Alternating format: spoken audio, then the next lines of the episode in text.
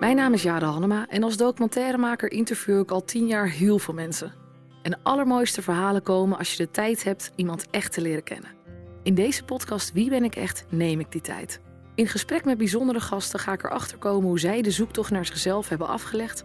Want door naar anderen te luisteren kom je ook steeds meer over jezelf te weten.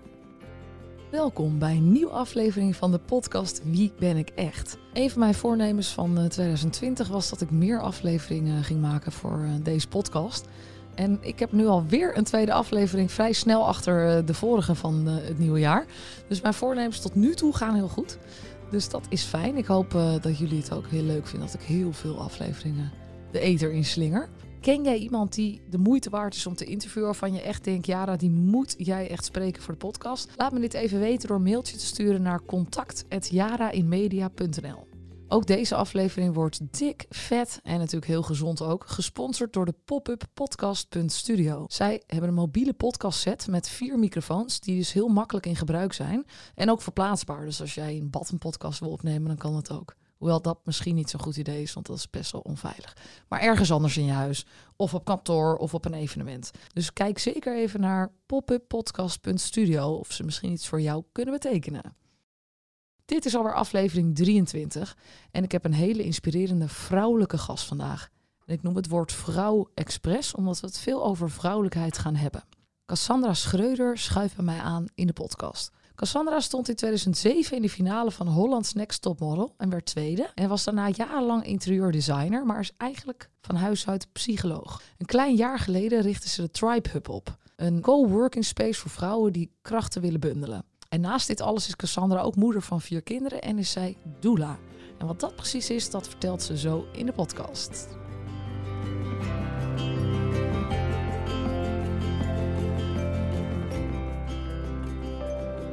Welkom Cassandra in de podcast Wie ben ik echt? Dankjewel.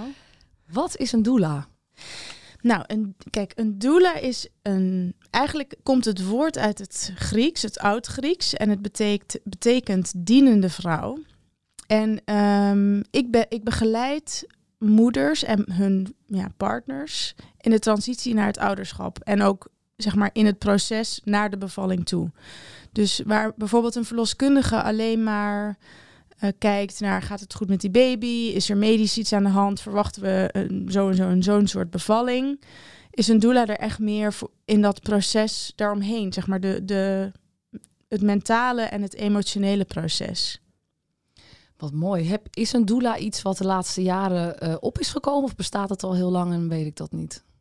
Nou, het, het bestaat denk ik eh, sinds de jaren zestig in Amerika. Um, het, natuurlijk is de behoefte daar al jaren groter, omdat daar een geboorte veel op een veel medischere manier verloopt. Medischerer. Ik weet eigenlijk niet hoe je dat moet. Medisch. Medischer. Medischer. um, een veel meer medische manier verloopt. En uh, voorheen was in Nederland het beroep vroedvrouw nog echt, die had ook veel meer die functie van uh, alles daaromheen ook. Dus alles om het medische heen ook behandelen met die aanstaande moeder. En uh, we zien nu dat het in Nederland door de manier waarop uh, de vroedvrouwpraktijken zijn ingedeeld en hun werkleven eruit ziet, dat zij ook minder ruimte hebben om echt diepgaand met iemand dat proces in te gaan.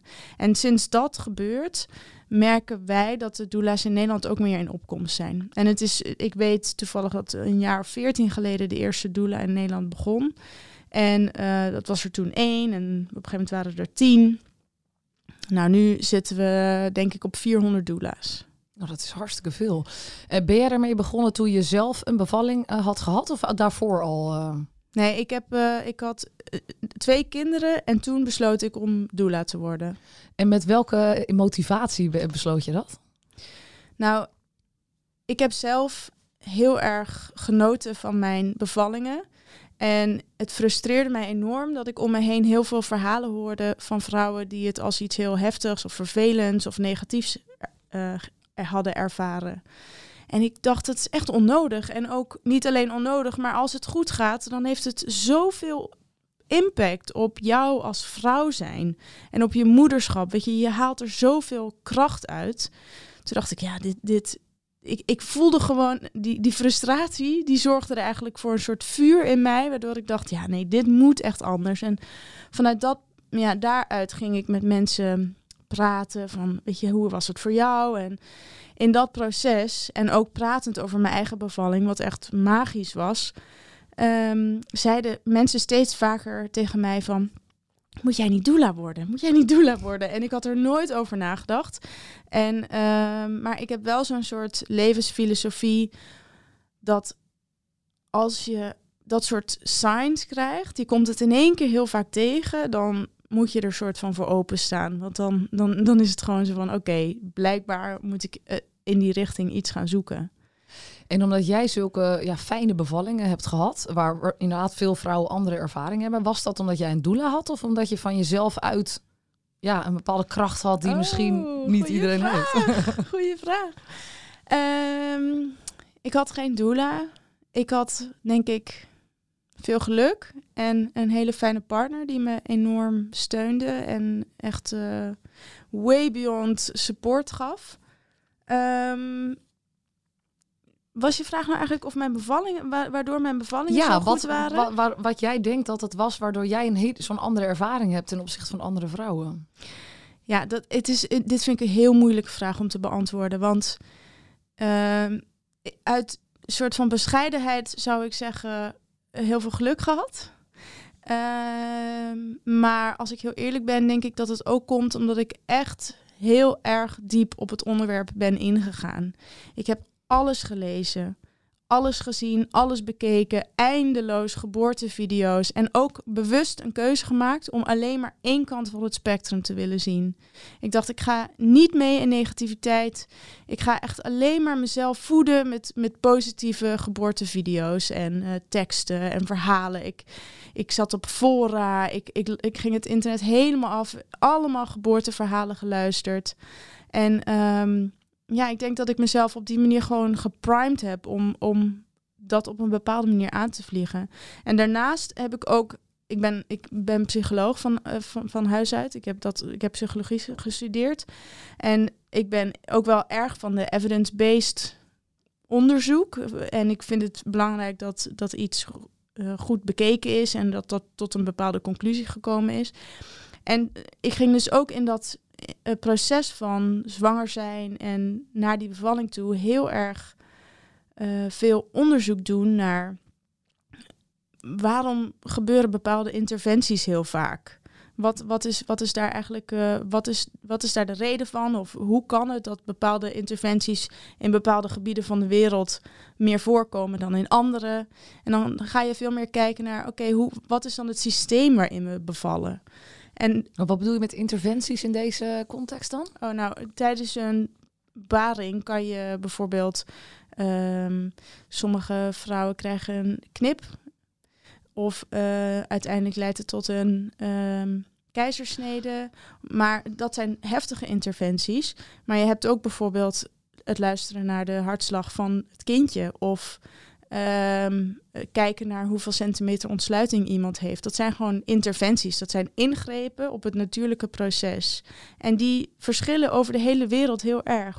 De benadering van zo'n bevalling verschilt dus over de hele wereld heel erg. Dus, want ik heb ook begrepen dat in Nederland wij best wel uh, barbaars omgaan met uh, bevallingen. Ik weet niet of jij dat kan beamen, hè? dat, dat uh, ziekenhuizen heel snel zeggen ruggenprik, nou moet dat nou? En dat ze ja, voorzichtig zijn met um, medicatie toedienen, wat misschien goed is, maar ook misschien voor een vrouw soms lastig, omdat ze echt pijn hebben en gewoon niet gehoord worden. kan jij dat ook zo beamen of vind je dat niet? Hmm.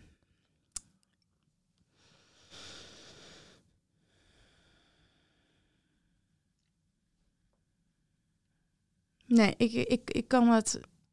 Ik, ik, zie het niet heel veel gebeuren in mijn werk. Laat ik het daarop houden. Ik, ik weet wel van een vriendinnetje die in het ziekenhuis kwam en graag pijnstilling wilde. En dat ze zeiden: Nou, wacht nog maar even, mevrouwtje, we zien dat u het zo goed doet. Um, misschien is dat ook een beetje een soort van Nederlandse mentaliteit. Zo, een soort van: uh, Nou, uh, gewoon even doorzetten, lekker nuchter. Maar ik, zelf heb ik het niet zo heel veel gezien. Oké, goed. Dat, uh, dat is fijn. Uh, nou, bevallingen en, en, en hebben we eventjes aangestipt meteen. Ik, ik, ga even van de ehm, bevallingen eigenlijk, omdat jij zo in die vrouwelijke kracht vind ik, dat, is, dat vind ik heel erg jouw, um, jouw positieve eigenschap. Want wij kennen elkaar dus even voor de luisteraar al buiten de podcast om. Um, en je hebt een jaar geleden Tribe Hub opgezet. Dus een, een co-working space speciaal alleen voor vrouwen. Ja. Kan je vertellen waar die behoefte vandaan kwam? Nou, toen ik uh, begon met mijn uh, opleiding tot doula, toen kwam ik eigenlijk voor het eerst een weekend lang terecht in een vrouwencirkel. In, en waarom zeg ik cirkel? Omdat we zaten ook echt in een cirkel. En uh, die cirkel die doet ook iets met, met hoe je als groep samen bent. Um, ik was gewoon een weekend lang alleen met vrouwen. En ik kwam daar binnen aan het begin van het weekend. En iedereen was al een beetje soort van met elkaar aan het bonden. En ik dacht van, ja, uh, uh, ja dat doe ik niet hoor. Of weet je, ik was echt nog een beetje zo eruit. En ik dacht van, ik ga hier gewoon een beetje in een hoekje zitten. En ik, ga, ik kom hier voor die les en that's it. In de loop van het weekend werd ik steeds zachter en zachter. En begon ik het eigenlijk steeds leuker vinden om ook echt contact te maken met die andere vrouwen. En aan het einde van het weekend liep ik daar gewoon als een ander mens naar buiten. Ik was helemaal flabbergasted door het effect van vrouwen die in een groep samenkomen, in zachtheid, elkaar steunen, ruimte geven voor bepaalde pijn. Er zit iets in vrouwen en in het samen zijn van vrouwen dat gewoon heel veel zachtheid geeft en heel veel steun en heling. En nou, daar was ik gewoon zo van onder de indruk. Ik dacht dat daar wil ik meer van. Wauw. En denk je dat mannen dat net zo goed ook nodig zouden hebben? Gewoon een plek waar alleen mannen werken en mannenweekenden en houthakken en dat soort dingen? Of denk je hmm. dat vrouwen daar ja, meer behoefte aan hebben? Nou, ik denk dat de bij ons is het een soort van sisterhood. Bij mannen is het meer verbroedering. Ik denk dat dat, dat ehm, voor beide geslachten heel erg heilzaam is. Om gewoon een soort herkenning te vinden en daarin even te mogen leunen.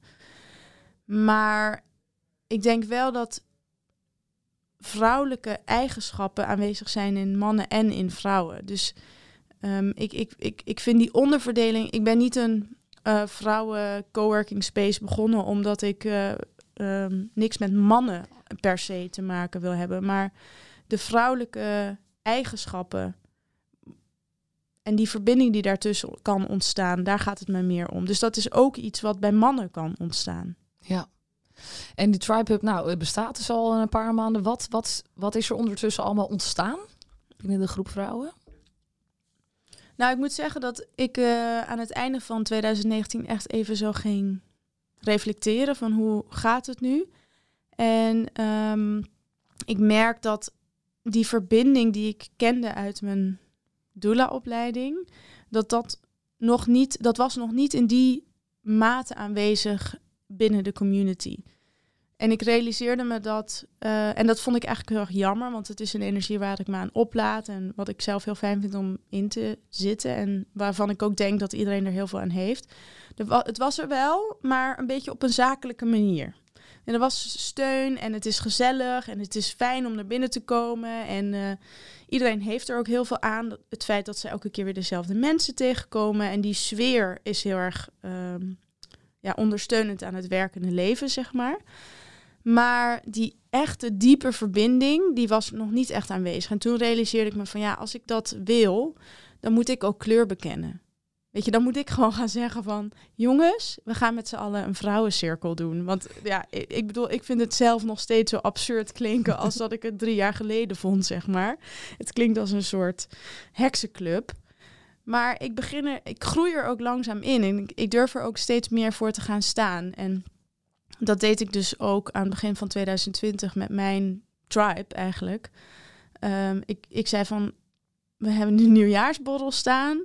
Ik wil in plaats van die nieuwjaarsborrel in te zetten om een soort pubquiz te gaan doen met heel veel drank, inzetten om een vrouwencirkel te gaan organiseren. En het was heel fijn wat er ontstond, want iedereen vond het net zo spannend als dat ik dat ooit toen vond. En aan het eind van de avond omhelsde iedereen elkaar. En zei, oh, wat, dit was zo fijn. Dit is, want het is gewoon, het voelt als thuiskomen, weet je. Je mag zacht zijn en je bent zoveel meer in verbinding. En ja.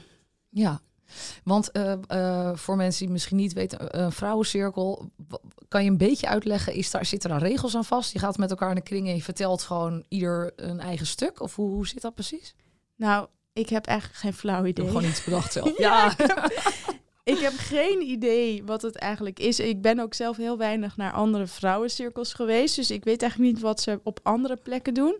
Ik heb uh, ter voorbereiding van deze avond heb ik gewoon even nagedacht van oké, wat, wat zijn nou de dingen waar mensen echt ehm, op kunnen verbinden? En het gaat vaak over kwetsbaarheid. Dus ik heb een vraag bedacht um, waarmee ik rondging. We gingen zitten en ik zei, ik, ik zei van nou, dit is mijn intentie. Ik wil graag dat, we met elkaar kunnen gaan delen en dat we er voor elkaar kunnen zijn. En de vraag was, wat is jouw eh, terugblikkend op 2019, wat is jouw secret sorrow? Mooi. En um, ja, ja, dat is gewoon magic. Als, ik, ik heb natuurlijk eerst even de allereerste gedaan, want iemand moet als eerste met zijn billen bloot. En, um, en ik heb iets gedeeld en de dames na, na mij deelden ook hun meest intieme pijn. En, en weet je, alle, every veil dropped.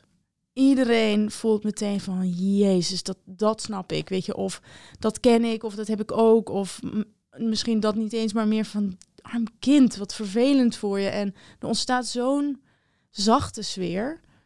En ja, dat is gewoon waar ik het voor doe. Waanzinnig, ja, dat, is, dat kan me voorstellen dat het heel bijzonder is. Het is ook een soort van liefde tonen naar jezelf van ik mag alles zijn. Ik mag ook al die lelijke shit zijn, die schaduwkant zijn. Ik mag kwetsbaar zijn. Het, je wordt er denk ik ook zo week van, omdat je gewoon heel liefdevol bent maar naar jezelf. Ja, mooi. Nou, even inderdaad, we hebben een beetje gehad over jouw werk als doula en de TriPub oprichting, maar je bent zelf gewoon ook iemand, los van wat je allemaal doet voor prachtig. Ben jij iemand die al van jongs af aan eh, een zoektocht naar zichzelf bent aangegaan? Of is dat pas later gekomen? Nou, nee. Ik, sterker nog, ik denk dat ik vooral vroeger heel erg aan het zoeken was. En ik was altijd van een soort van uh, de turbo-stand daarin. Ik vond het super leuk om bezig te zijn met zelfontplooiing, zelfontwikkeling en uh, en ik deed dan ook van alles in die hoek. En ik denk dat ik toen het ook echt nog een beetje vanuit een soort ego-overweging eh, deed. Want ik wilde graag het wijze meisje zijn. Ik werd van jongs af aan altijd al een beetje tegen mij gezegd van jeetje, je bent zo, zo wijs voor je leeftijd. En en toen, ik denk dat er iets in mij gewoon dacht van, zo, en nou ga ik dit even helemaal uitmelken. Totdat ik op mijn uh, ehm, 25ste, eh, weet je, dan kwam ik bij een psycholoog en dan was het zo van, wauw, uh, jeetje, je bent wel wel, ja, erg ontwikkeld. En nou ja, dat was, dat vond ik natuurlijk toen heel erg gaaf. Ehm, en ik merk dat op een gegeven moment, toen ik eigenlijk zelf helemaal chill was met mezelf, dat er toen ook niet meer zoveel reden was om onwijs te gaan zoeken. Ja. Toen stortte ik gewoon ter aarde en toen was ik, werd ik gewoon in één keer soort van heel aards. En nu denk ik, ja, oké, dit is gewoon wie ik ben. Dus het met ego en helemaal geen mooie soort van saus eroverheen. Dit is het gewoon. Dat is best wel een switch hè, van het een naar het ander. Maar is er niet een, dan een speciaal moment gekomen dat je in één keer dacht van, nou, ik laat het gewoon maar uh, gaan? Nou ja, ik, dat, daar komt natuurlijk ook mijn fascinatie voor uh, bevallingen vandaan. Omdat als je als vrouw zoiets groots kan doen, dan ben je daarna ook gewoon een soort van no-nonsense. Ja, uh, ik kan dit dus. Dus het maakt me voor nu voor de rest van mijn leven even helemaal geen flikker meer uit wat iemand van me denkt. Want ik vind mezelf gewoon echt fucking cool op dit moment. Weet je, wow, ik kan, dit is gewoon, heeft een enorme impact op je zelfvertrouwen. En daarom vind ik het dus ook zo belangrijk dat mensen die fijne bevalling, die fijne ervaringen hebben. Want jij bent, hebt zelf, uh, ja, je bent afgestuurd psycholoog, maar heb je daar ooit ook daadwerkelijk iets mee gedaan? Of, uh... Nee, nou, ik, nu doe ik daar iets mee in mijn werk als doula. Ja, dan kan je mooi samenbrengen natuurlijk. Precies, ik, ik heb eindelijk een invalshoek gevonden voor die fascinatie voor de psychologie. En het is nu helemaal gespecialiseerd in niche. En dat is de geboortezorg. En, en vrouwen begeleiden in die transitie. Mooi. Um, je bent, ja, dat is heel grappig. Uh, in 2007 deed jij mee aan Holland's Next Top Model. Je was nog niet model in die periode, of wel? Nee, ik was nog niet model. Ik had wel een paar keer meegemaakt dat ik dan voor iets gevraagd werd. Een keer voor een, uh, voor een kapperszaak en een keer voor de krant. En, uh, en ik keek altijd wel Holland's Next Top Model. En, ik, en ik, ik wilde gewoon een van die meisjes zijn. Want ja, die meiden die waren beroemd. En dat leek me, dat leek me echt geweldig. Ik dacht van, wauw, het leven moet zo mooi zijn als je, als iedereen je kent en iedereen je zo bijzonder, want ik bedoel mensen die, die een bepaalde bekendheid hebben, die, die zijn ook meteen een soort stuk bijzonderder of zo. En het leek me heerlijk om, om in die positie te vertoeven daarvoor, ik, werd, ik werd wel op de basisschool en op de middelbare school ook wel veel gepest. Dus ik dacht van, ik wil dit niet. Ik wil gewoon iets anders. Ik wil dat iedereen me leuk vindt. Dus ik wilde daarom meedoen met Hollands Next Top Model. En ik dacht, ja, als ik nu al gevraagd word uh, voor een aantal modellenklussen, wie weet maak ik dan ook kans. Ik dacht niet echt dat ik kans maakte. Zeker niet toen ik wist, toen ik hoorde dat er 1200 meisjes waren die zich hadden opgegeven. Maar ik probeerde het. En toen uh, werd je geselecteerd. Je hebt het zelfs geschopt tot de finale. En toen was jij dat meisje wat iedereen bijzonder vond. En je kreeg waarschijnlijk heel veel aandacht uh, extra. En was dat zo mooi als dat je hoopte dat het uh, was? Nou, ik heb daar wel een hele tijd van genoten, ja. Ik, heb daar, ik vond het wel echt heel leuk. En zeker in die periode van mijn leven. Ik was nog best wel jong. Ik was begin twintig. En uh, ja, ik vond het gewoon cool dat ik dan uh, ergens bij hoorde, weet je wel. Ik werd dan uitgenodigd voor allemaal PR-events en zo. En uh, stond ik daar tussen allemaal andere bekende mensen. En ja, ik heb dat wel heel, een hele poos heel gaaf gevonden. Maar dat, dat, ja, dat, op een gegeven moment merk je toch wel dat, het, dat er ergens iets is wat niet klopt. Ik was natuurlijk ook in die tijd heel erg bezig met met zelfontwikkeling. Ik denk ook daardoor. Ik denk dat ik toen nog niet wist dat ik zo aan het zoeken was, omdat ik eigenlijk deep down inside voelde dat er iets niet klopte. En dat het alleen maar een soort sausje was wat ik overal overheen legde. Maar dat het deep down inside gewoon helemaal kut was in mij. Weet je, ja. Ja. Maar wel mooi dat je in ieder geval, je hebt een periode daar wel gewoon die aandacht echt gevoeld als dat dat even nodig was voor jou in die periode, toch? Ja, nee, dat is, sterker nog, eh, dat is ook een van de grootste keerpunten geweest in mijn, in mijn leven als het gaat. Nee, het heeft onwaarschijnlijk veel invloed gehad, want ik hield niet voor mogelijk dat ik ooit bij die 1200 meisjes zou horen. En toen in één keer was ik het. En dat was voor mij zo bizar. Dat was echt een soort wow. Anything is possible in life, weet je wel? En dat, vanaf dat punt voelde ik me ook soort van gedragen door iets groters. Ik dacht echt van, ja, ik, ik, ging, ik ging geloven in, van, dat is echt het punt dat ik ging geloven in life en gifts. En weet je, dat, dat alles wat op je pad komt een geschenk voor je is. Good or bad. Maar ja, maar dat, dat dat voor jou dan de bedoeling is om iets mee te doen. Gewoon, het komt naar jou, dus het is voor jou, zeg maar. Het is niet tegen jou. Ja, nee, dat, zo, dat is inderdaad een hele fijne manier om naar tegenslagen te kijken. Maar in dit geval was het gewoon. Ik, ik dacht in, in beperkingen van, oh, nou, dit zal het allemaal zijn. En ik zal dan wel het beste meisje zijn en blijven. En, uh, en ik pas er niet bij en ik hoor er niet bij en ik ben apart en anders. Was het daarom dat je werd gepest? Omdat jij er anders uitzag of deed? Denk je? Ja, ik, ik was in alle opzichten apart. Dat werd ook altijd tegen me gezegd. Echt? Oh, wat ben jij apart. Jij bent echt, je bent zo leuk, maar je bent wel apart. Nou, als je als kind iets niet wil horen, dan is dat dat je apart bent. Maar Want hoe je wil er alleen apart? maar bij horen. Ja, maar ja, omdat je gewoon heel erg ehm, waarschijnlijk authentiek jezelf was als kind, of niet? Dat je je niet hebt ehm, ja, geconformeerd aan je omgeving. Ik vind dat een goede vraag. Vind jij mij apart? Nee, ik zou jou niet categoriseren onder apart. Hmm. Nee, nee, nee absoluut niet. Wel onder eh, eh, krachtig. Je bent aanwezig, je bent er, je zegt hoe het is. Maar zo ben ik ook een beetje, dus ik herken er wel iets in. Ja, nee, maar ja, apart? dus, nee. ik weet niet. Als, ik denk dat ik toen was.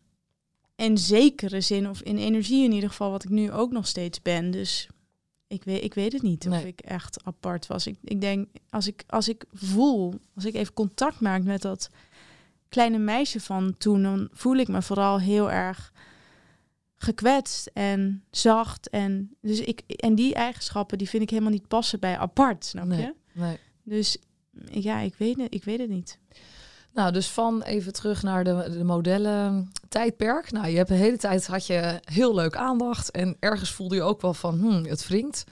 Ehm, waar is dan de omslag eh, gekomen dat je dacht, nou, dat oké, dit heb ik meegemaakt en nu ga ik eh, het hoofdstuk afsluiten. Ging dat zo makkelijk?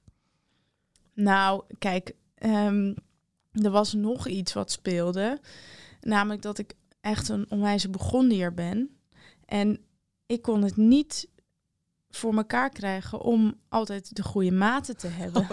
Dus het was één grote lijdensweg. Want ik wilde ook niet, eigenlijk, weet je, ik wilde gewoon beroemd worden. Ik, wil helemaal, ik wilde helemaal niet model worden. Ik wilde ook niet alles doen wat er voor nodig is. Weet je, je hebt van die meiden en die willen gewoon model zijn en die vinden het ook prima om zichzelf helemaal op een, op een soort van dieet, restrictie, whatever te zetten. En ik had dat gewoon niet. Ik had zoiets van, ja, dag, ik heb echt geen zin om, om eh, al die dingen te laten. En ehm, dus dat ging vrij snel erg slecht met mijn modellencarrière. Dus dan zei ze van, eh, eh. Cassandra, je, je moet op dieet en daar heb ik geen zin in. En, eh, Nou, dan probeerde ik het wel een tijdje, maar ik was toch niet echt zo gemotiveerd. En dan kwam ik uiteindelijk op die casting waar het om ging, weet je wel. En dan waren mijn maten alsnog niet goed. En ja, dan op een gegeven moment het gaat gewoon vrij snel, weet je. Ja, je wordt op een gegeven moment gewoon niet meer uitgekozen. En toen heb ik nog heel even gedacht, want ik had nog wel wat aanbod van televisie en misschien een keertje in een programma meedoen of eh, presenteren of whatever. Dus toen dacht ik, nou, misschien wil ik dan wel die presentatie kant op, maar eigenlijk de onder, het onderliggende motivatie was nog steeds dat ik gezien wilde worden. En toen dat een beetje verdween, dacht ik, ja, fuck it, laat, laat het hele presenteren ook maar zitten. Weet je, ik hoef eigenlijk niet meer in die, in die hele hoek iets niet, niet meer te zoeken. Nee. Want ik denk, eh, was jij niet ook erg kwetsbaar? Omdat je zo jong was, heb je niet een, een MeToo-ervaringje opgedaan? Of is dat eh, je bespaard gebleven? Maar jij durft wel en zo. Ja. ik heb wel mijn MeToo-ervaringje opgedaan, ja. Nog veel belangrijker, ik dacht ook dat ik daar in bepaalde mate ook in mee moest gaan. Ah, het flirten met de ja, baas dat was ook iemand. een soort van... ehm, ja, ik, ik dacht dat... Ik was gewoon zo... Dat was ook de, de downside van die hele periode. Je gaat gewoon denken dat je niet veel meer bent dan de buitenkant, zeg maar. Of je gaat je daar zo mee identificeren dat je... Ja, je... Ik weet even niet goed hoe ik dit moet zeggen, maar... Ik dacht, als ik dit niet doe, dan gaat het mis. Dan stort alles in elkaar. Dus ik werd ook gewoon een soort wulpse tante. Zo gedroeg jij je ook eh, richting eh, mannelijke collega's of mensen die iets van jou wilden. zeg Ja, ik denk dat ik me in die tijd gewoon tegen iedereen en alles zo gedroeg. Ja. Gewoon, ik, dat was ook een soort, ja, een, een, een image. Een beeld wat ik van mezelf had ge, geschept, geschapen. Ik weet eigenlijk niet hoe ik dat moet zeggen. ja nee. Maar, ehm, en dat, ik moet zeggen dat dat nu ook nog steeds wel af en toe lastig is. Want ik heb dat me toen zo eigen gemaakt. Dat ik nu ik moeder ben ook nog wel af en toe worstel met. Was dat toen eh, echt een. Is dat een, echt een deel van mij? Of heb ik dat helemaal gecreëerd? waar is het nu? Want het, het is Niet weg. meer wulps, nee?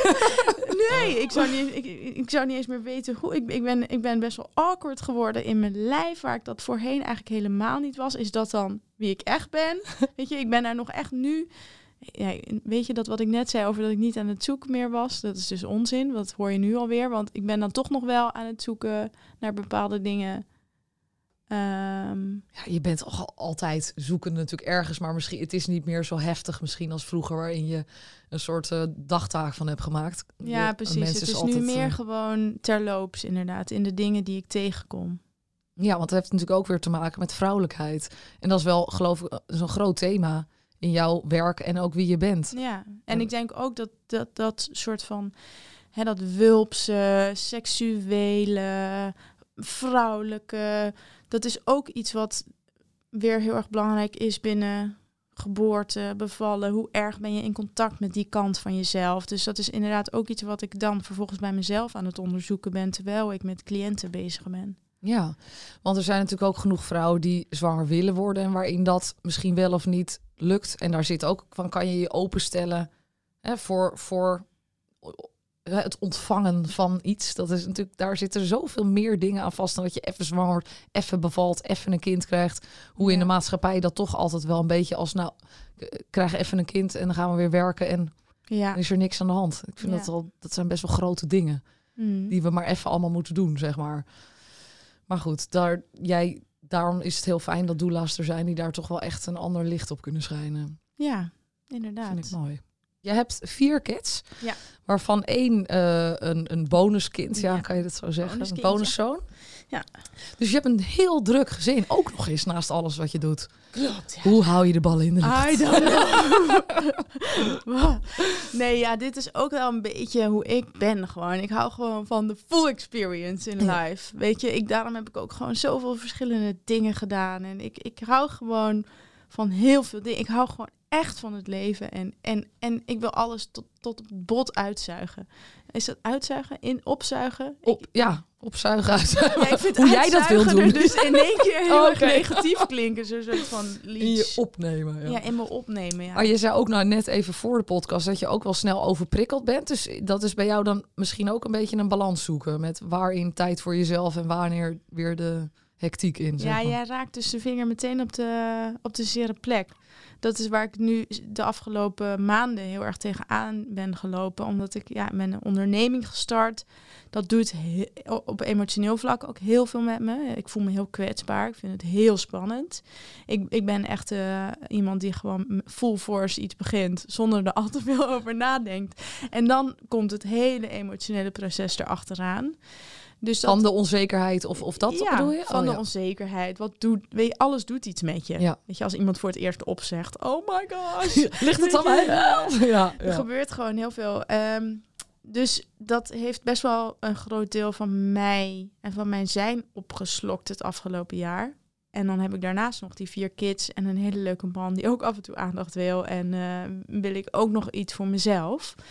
Dus de balans daarin zoeken was wel echt even pittig. En ben nu echt bezig met puurder mezelf of dichter bij mezelf blijven of puurder mezelf zijn, eerlijker zijn over wat ik wel en niet kan. Ik, ik kan bijvoorbeeld op een gegeven moment kan ik het niet meer thuis. En ik wil altijd maar doorgaan. En ik wil, er, ik wil heel graag alles geven aan iedereen, maar op een gegeven moment kan ik het niet meer. Dus ik ben nu langzamerhand aan het leren om dan eventjes eruit te stappen, even een blokje om te gaan, of even in een kamer alleen te zijn, of nou ja, dat soort dingetjes. Om er gewoon heel even weer op te laden. Want ik laad echt op aan, aan alleen zijn. Ja, daarin zit verschil. Hè? Sommige mensen hebben het juist die hectiek nodig om op te laden van anderen. Maar Ja, nee, ik laat echt op aan alleen zijn. Dus, en Ja. ik vond dat heel lastig, want ja, ik heb natuurlijk een druk leven. Er zijn veel mensen in mijn leven die iets van me willen, die dicht bij me staan. En ik ook iets van hun overigens. maar ehm, ik vond het tot, tot op de dag van vandaag, of ik ben er nu echt toevallig sinds een paar weken ehm, heel erg mee aan het oefenen, moeilijk om ehm, eerlijk te zijn over dat ik af en toe alleen moet zijn. ja, Want ik wilde niemand teleurstellen. En bijvoorbeeld mijn man die zegt altijd: ja, maar family time is me time. En dan, dan voel ik me bijna schuldig dat ik denk van. eh, ja, family time is niet echt me time. Soms wel, maar ehm me time is wel echt me time. Gewoon in mijn eentje. Dus ik, vond het, ik voelde me daar heel lang heel schuldig over. Dat, dat, ik, eh, dat ik oplaat eh, door alleen te zijn. En nu, nu ik dat echt duidelijker aangeef, ook aan mijn partner. En hij maakt het ook mogelijk voor mij, voelt het voor mij veel kloppender. Wat fijn. Ja, Oh, dat is echt heel fijn, ja. Ja, want een samengesteld gezin, zoals jullie zijn, dat eh, ja, ik heb ongelooflijk veel respect als ik op een verjaardag bij jullie kom, dat iedereen gewoon met elkaar, de ex van jou, de ex van je partner, alles gaat gewoon goed. Ja, En dat vind, dat vind ik echt uniek. Ik kan me voorstellen dat je daar wat voor hebt moeten doen om dat zo mooi in balans te krijgen. klopt. Daar, daar hebben we allemaal heel erg hard aan gewerkt. En heel erg onze eigen pijn en onzekerheden en whatever aangekeken om het mogelijk te maken. En dat is dan voor, ja, ik durf bijna met zekerheid te zeggen, voor ons allemaal dan ook een van de grootste accomplishments van de afgelopen jaren. Daar zijn we echt ongelooflijk trots op, allemaal. Maar en dat, het is ook echt heel erg gezellig nu. dat is zo een voorbeeld. Ook zo fijn voor de kids, Ja, die natuurlijk gewoon harmonie willen ja, en vrede. Ehm, maar dat je, wat ik jou hoor zeggen, is dat iedereen daar ook een verantwoordelijkheid binnen die structuur voor heeft genomen. Hè? Zowel de exen als eh, de partners. Gewoon iedereen heeft dat met een gezicht naar voren van we willen dat dit werkt. ja. Want volgens mij alleen op die manier gaat dat natuurlijk ook. Ja, het, het is echt een keuze. Ja, Je moet gewoon in zoiets heel veel slikken en heel veel naar jezelf kijken en niet meteen reageren. En eh, het is heel veel inner work, zeg maar. En- Voor ieder lid van dit grote extended, wij noemen het Ohana. Oh, Henna? Oh, oh, Ohana of Ohana. Dat is zeg maar de in het dat komt uit eh, Hawaii en dat is betekent je extended family. Dus niet alleen je core, je, je kerngezin, maar ook alles wat er omheen zit. En onze Ohana is eh, ja, ons grotere gezin. Ja, Elk lid van onze Ohana-familie heeft zichzelf heel erg in, eh, ja, moeten bekijken om dit mogelijk te maken. ongelooflijk bijzonder. Wa- Wat was jouw je belangrijkste leerpunt? Nou, wat bij mij heel erg aanwezig was, was dat ik heel graag gezien wilde worden door de ex van mijn man. Ik vond haar namelijk al vanaf dag één leuk. En zij had echt heel lang nog zoiets van, "Oh, dat mens. Komt ze weer leuk doen, weet je wel. Ja, ja. Zij had echt heel lang geen behoefte aan mij. En eh, ik heb echt geduld moeten hebben met haar en haar proces gewoon moeten laten gaan. Ehm, om, en zodat zij gewoon de ruimte kreeg om dat te voelen. En het niet anders hoefde te doen omdat ik me er zo ongemakkelijk bij voelde, snap je? Ja, Ik voelde me er gewoon helemaal kut door. Want ik dacht, ja, hoe kan dat nou? En wij zijn toch gewoon twee superleuke chicks. En we zouden bijna vriendinnen kunnen zijn. Maar jij ziet het niet zo. En dat was voor mij best wel moeilijk. ja. En toch is zij ook in een proces gekomen waarin dus ja, dingen nu anders zijn tussen jullie. Jullie een goede verhouding hebben. Heb jij met haar dan kunnen over ja, praten waarom wat dat bij haar langer duurde? Kon je dat soort gesprekken ook echt voeren?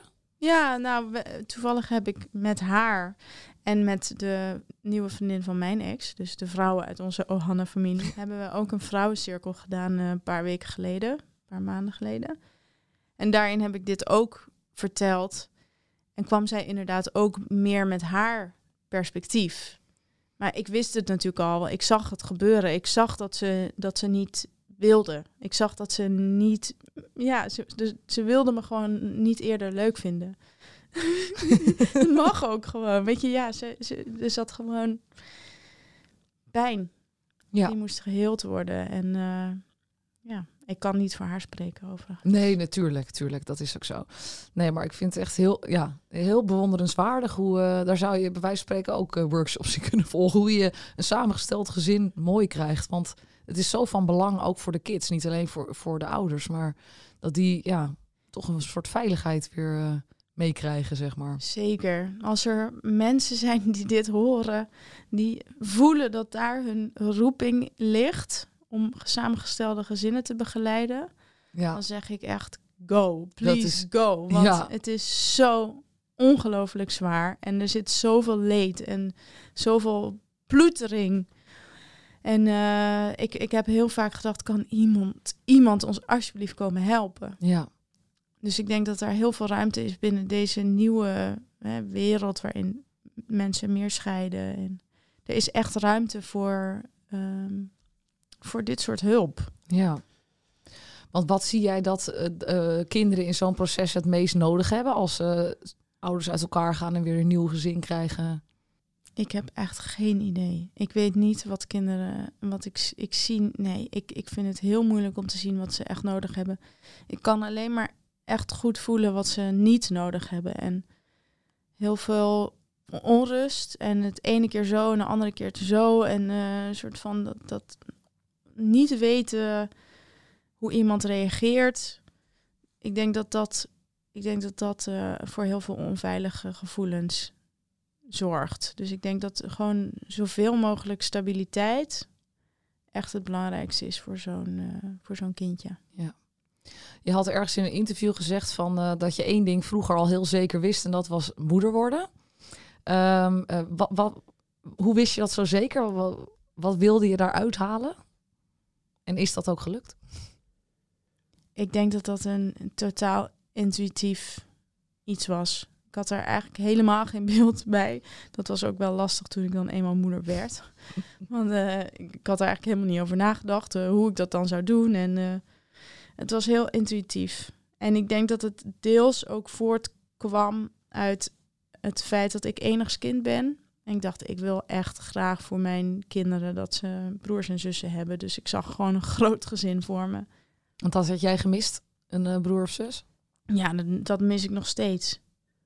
Om even te sparren over nou, familie. Ja, mijn vader heeft Alzheimer en mijn moeder die zorgt heel veel voor hem. Ook al zit hij nu in een zorgboerderij.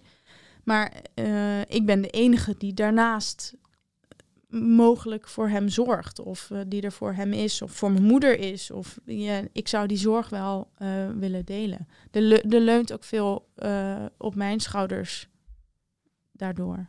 Ja, ik kan me voorstellen, ja. En het zou, het zou, ik zou het ook fijn vinden om iemand te hebben die mijn ouders net zo goed kent als ik. Ja. Om even te kunnen zeggen van hoe was dat voor jou of hoe was dat voor jou. Ja, nu heb ik alleen mijn eigen ervaring.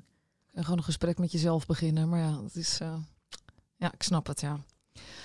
Um, deze podcast heet natuurlijk Wie ben ik echt? Um, kan je, heb, weet jij wie je bent? Nou, ik kan wel af en toe, als ik contact maak met mezelf, mijn ogen sluit, even echt voel wat er in mijn lichaam speelt, dan kom ik wel op een plek waarvanuit ik helderder kan kijken naar wie ben ik echt. Dus dan, um, als ik mezelf, als ik, ik denk dat dat ook een soort andere bewustzijnslagen is. Dus in het dagelijks leven kan ik mezelf bijvoorbeeld een hele slechte moeder vinden.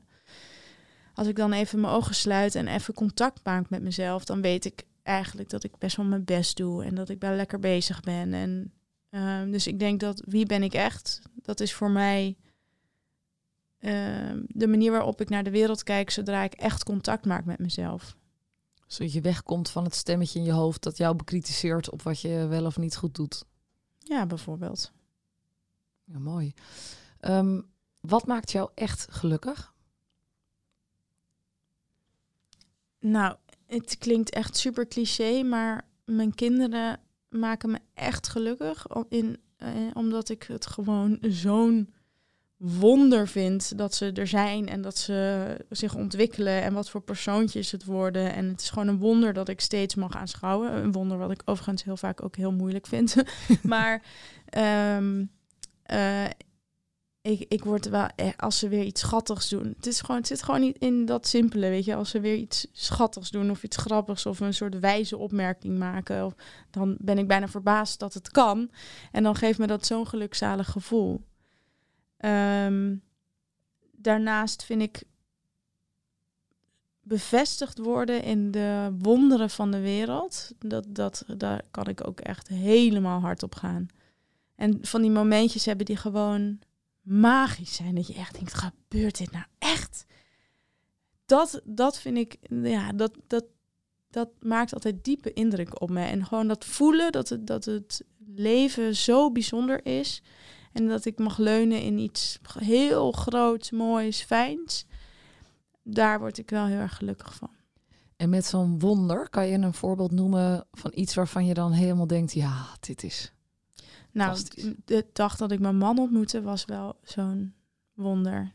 En hij is een wonder. Ik bedoel, het feit dat hij in mijn leven is, is een... Oh, dan ga ik janken.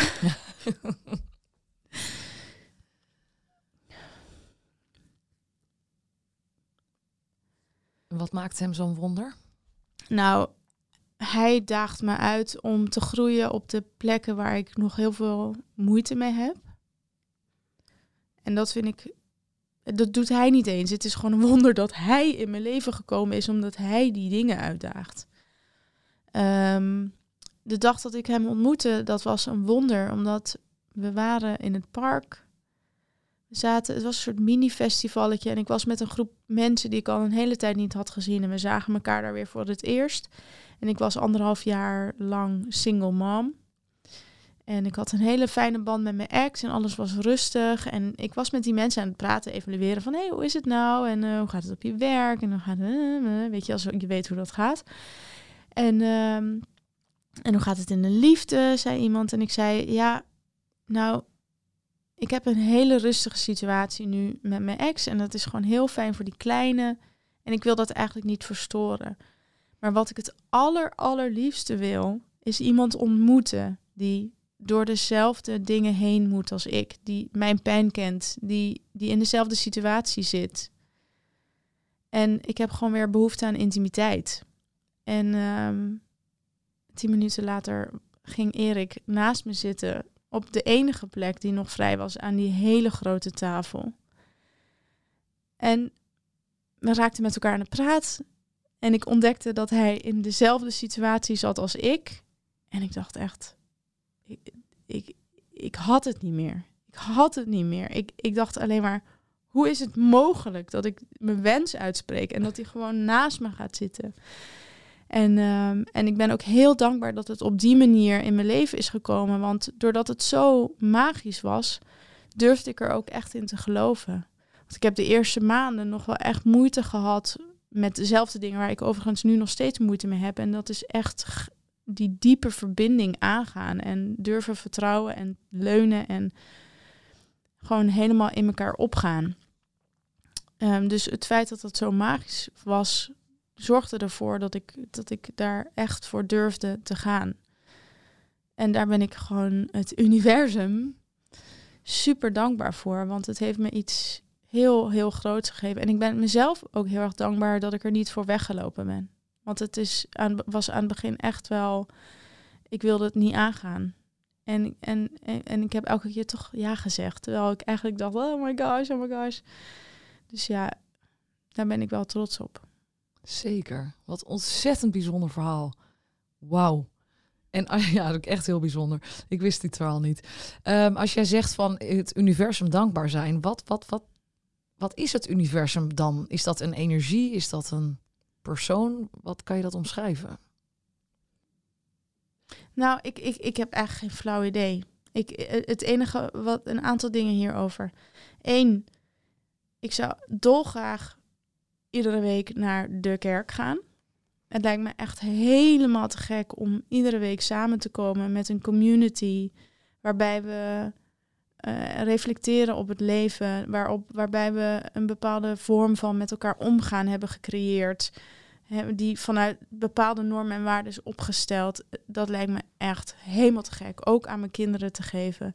Alleen de kerk is nou niet hetgeen waar ik me toe aangesproken voel. Waar ik me niet. Ik, het, ik, ik, vind, ik vind het überhaupt al fucking irritant dat ze de hele tijd zeggen hij. Ja hij is zo groot, hij is zo... Fuck you, waarom moet het nou weer een hij zijn? Ik, ik kan daar helemaal niet meer... Ik krijg daar echt iets van. Ik ben wat dat betreft wel echt een feminist. Dus... Um, en dan probeer ik wel in mijn hoofd een soort van te denken... ja, ze bedoelen gewoon het of de energie of whatever. Maar ik kan het toch niet... Ik vind de boodschap supergoed. Maar de vorm waarin het op dit moment gegoten wordt... die klopt voor mij niet. Dus... Um, daar, als er iemand is die daar een antwoord op heeft, mogen ze mij een e-mail sturen. Ja, Ik ben op zoek naar een plek, een community, waar we ja, een soort levensbeschouwelijke plek. het is zo bizar dat je dit zegt. Inhaak het even kort. Ik heb het gisteren met mijn vriend op de bank over gehad. Toen zagen we iets van een kerk in een, in een film of zo. En toen zeiden wat zonde dat we nu niet elk... Want dat zouden wij dus precies hetzelfde ook willen. Dus er is duidelijker behoefte op, eh, meerde- bij meerdere personen. Dus we moeten maar iets zelf oprichten, denk ik dan maar. Maar dan wordt het weer een clubje en dan gaat er weer één iemand de baas zijn. En wij zaten echt, hoe zorg je nou dat er dan niemand de leiding heeft? En dat het horizontaal blijft. En dat we niet van die rare praktijken krijgen dat er weer een, een of andere leider op gaat staan. En wij kwamen er niet echt uit hoe dat dan moest. Maar goed, wie weet is er al iets moois dat wel klopt. Ja, Ja. Nou ja, en ik, dit wat jij nu zegt, ja, we hadden het er gisteren over. Ja, dit is voor mij weer zo'n ding van, ja, ik, dit is het gewoon. ja. D- Dit gebeurt niet zomaar. D- Dit is, dit is het universum. Ja. ja. Die- waarin er dus al iets aan het creëren is misschien. En volgende week ontmoet je weer iemand en dan hop, dan is er iets of zo. Precies, ja, Ja. Het is gewoon allemaal met elkaar in verbinding.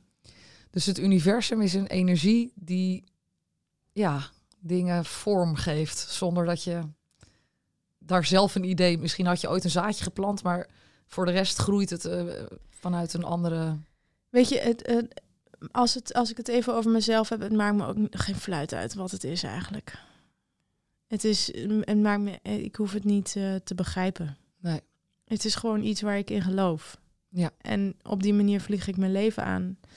En ehm, ja, dat is voor mij gewoon heel prettig. Het maakt me ook niet uit of het, of het waar is of niet. Nee. I don't give a shit. Het ik werkt, word er gewoon ja. gelukkig van.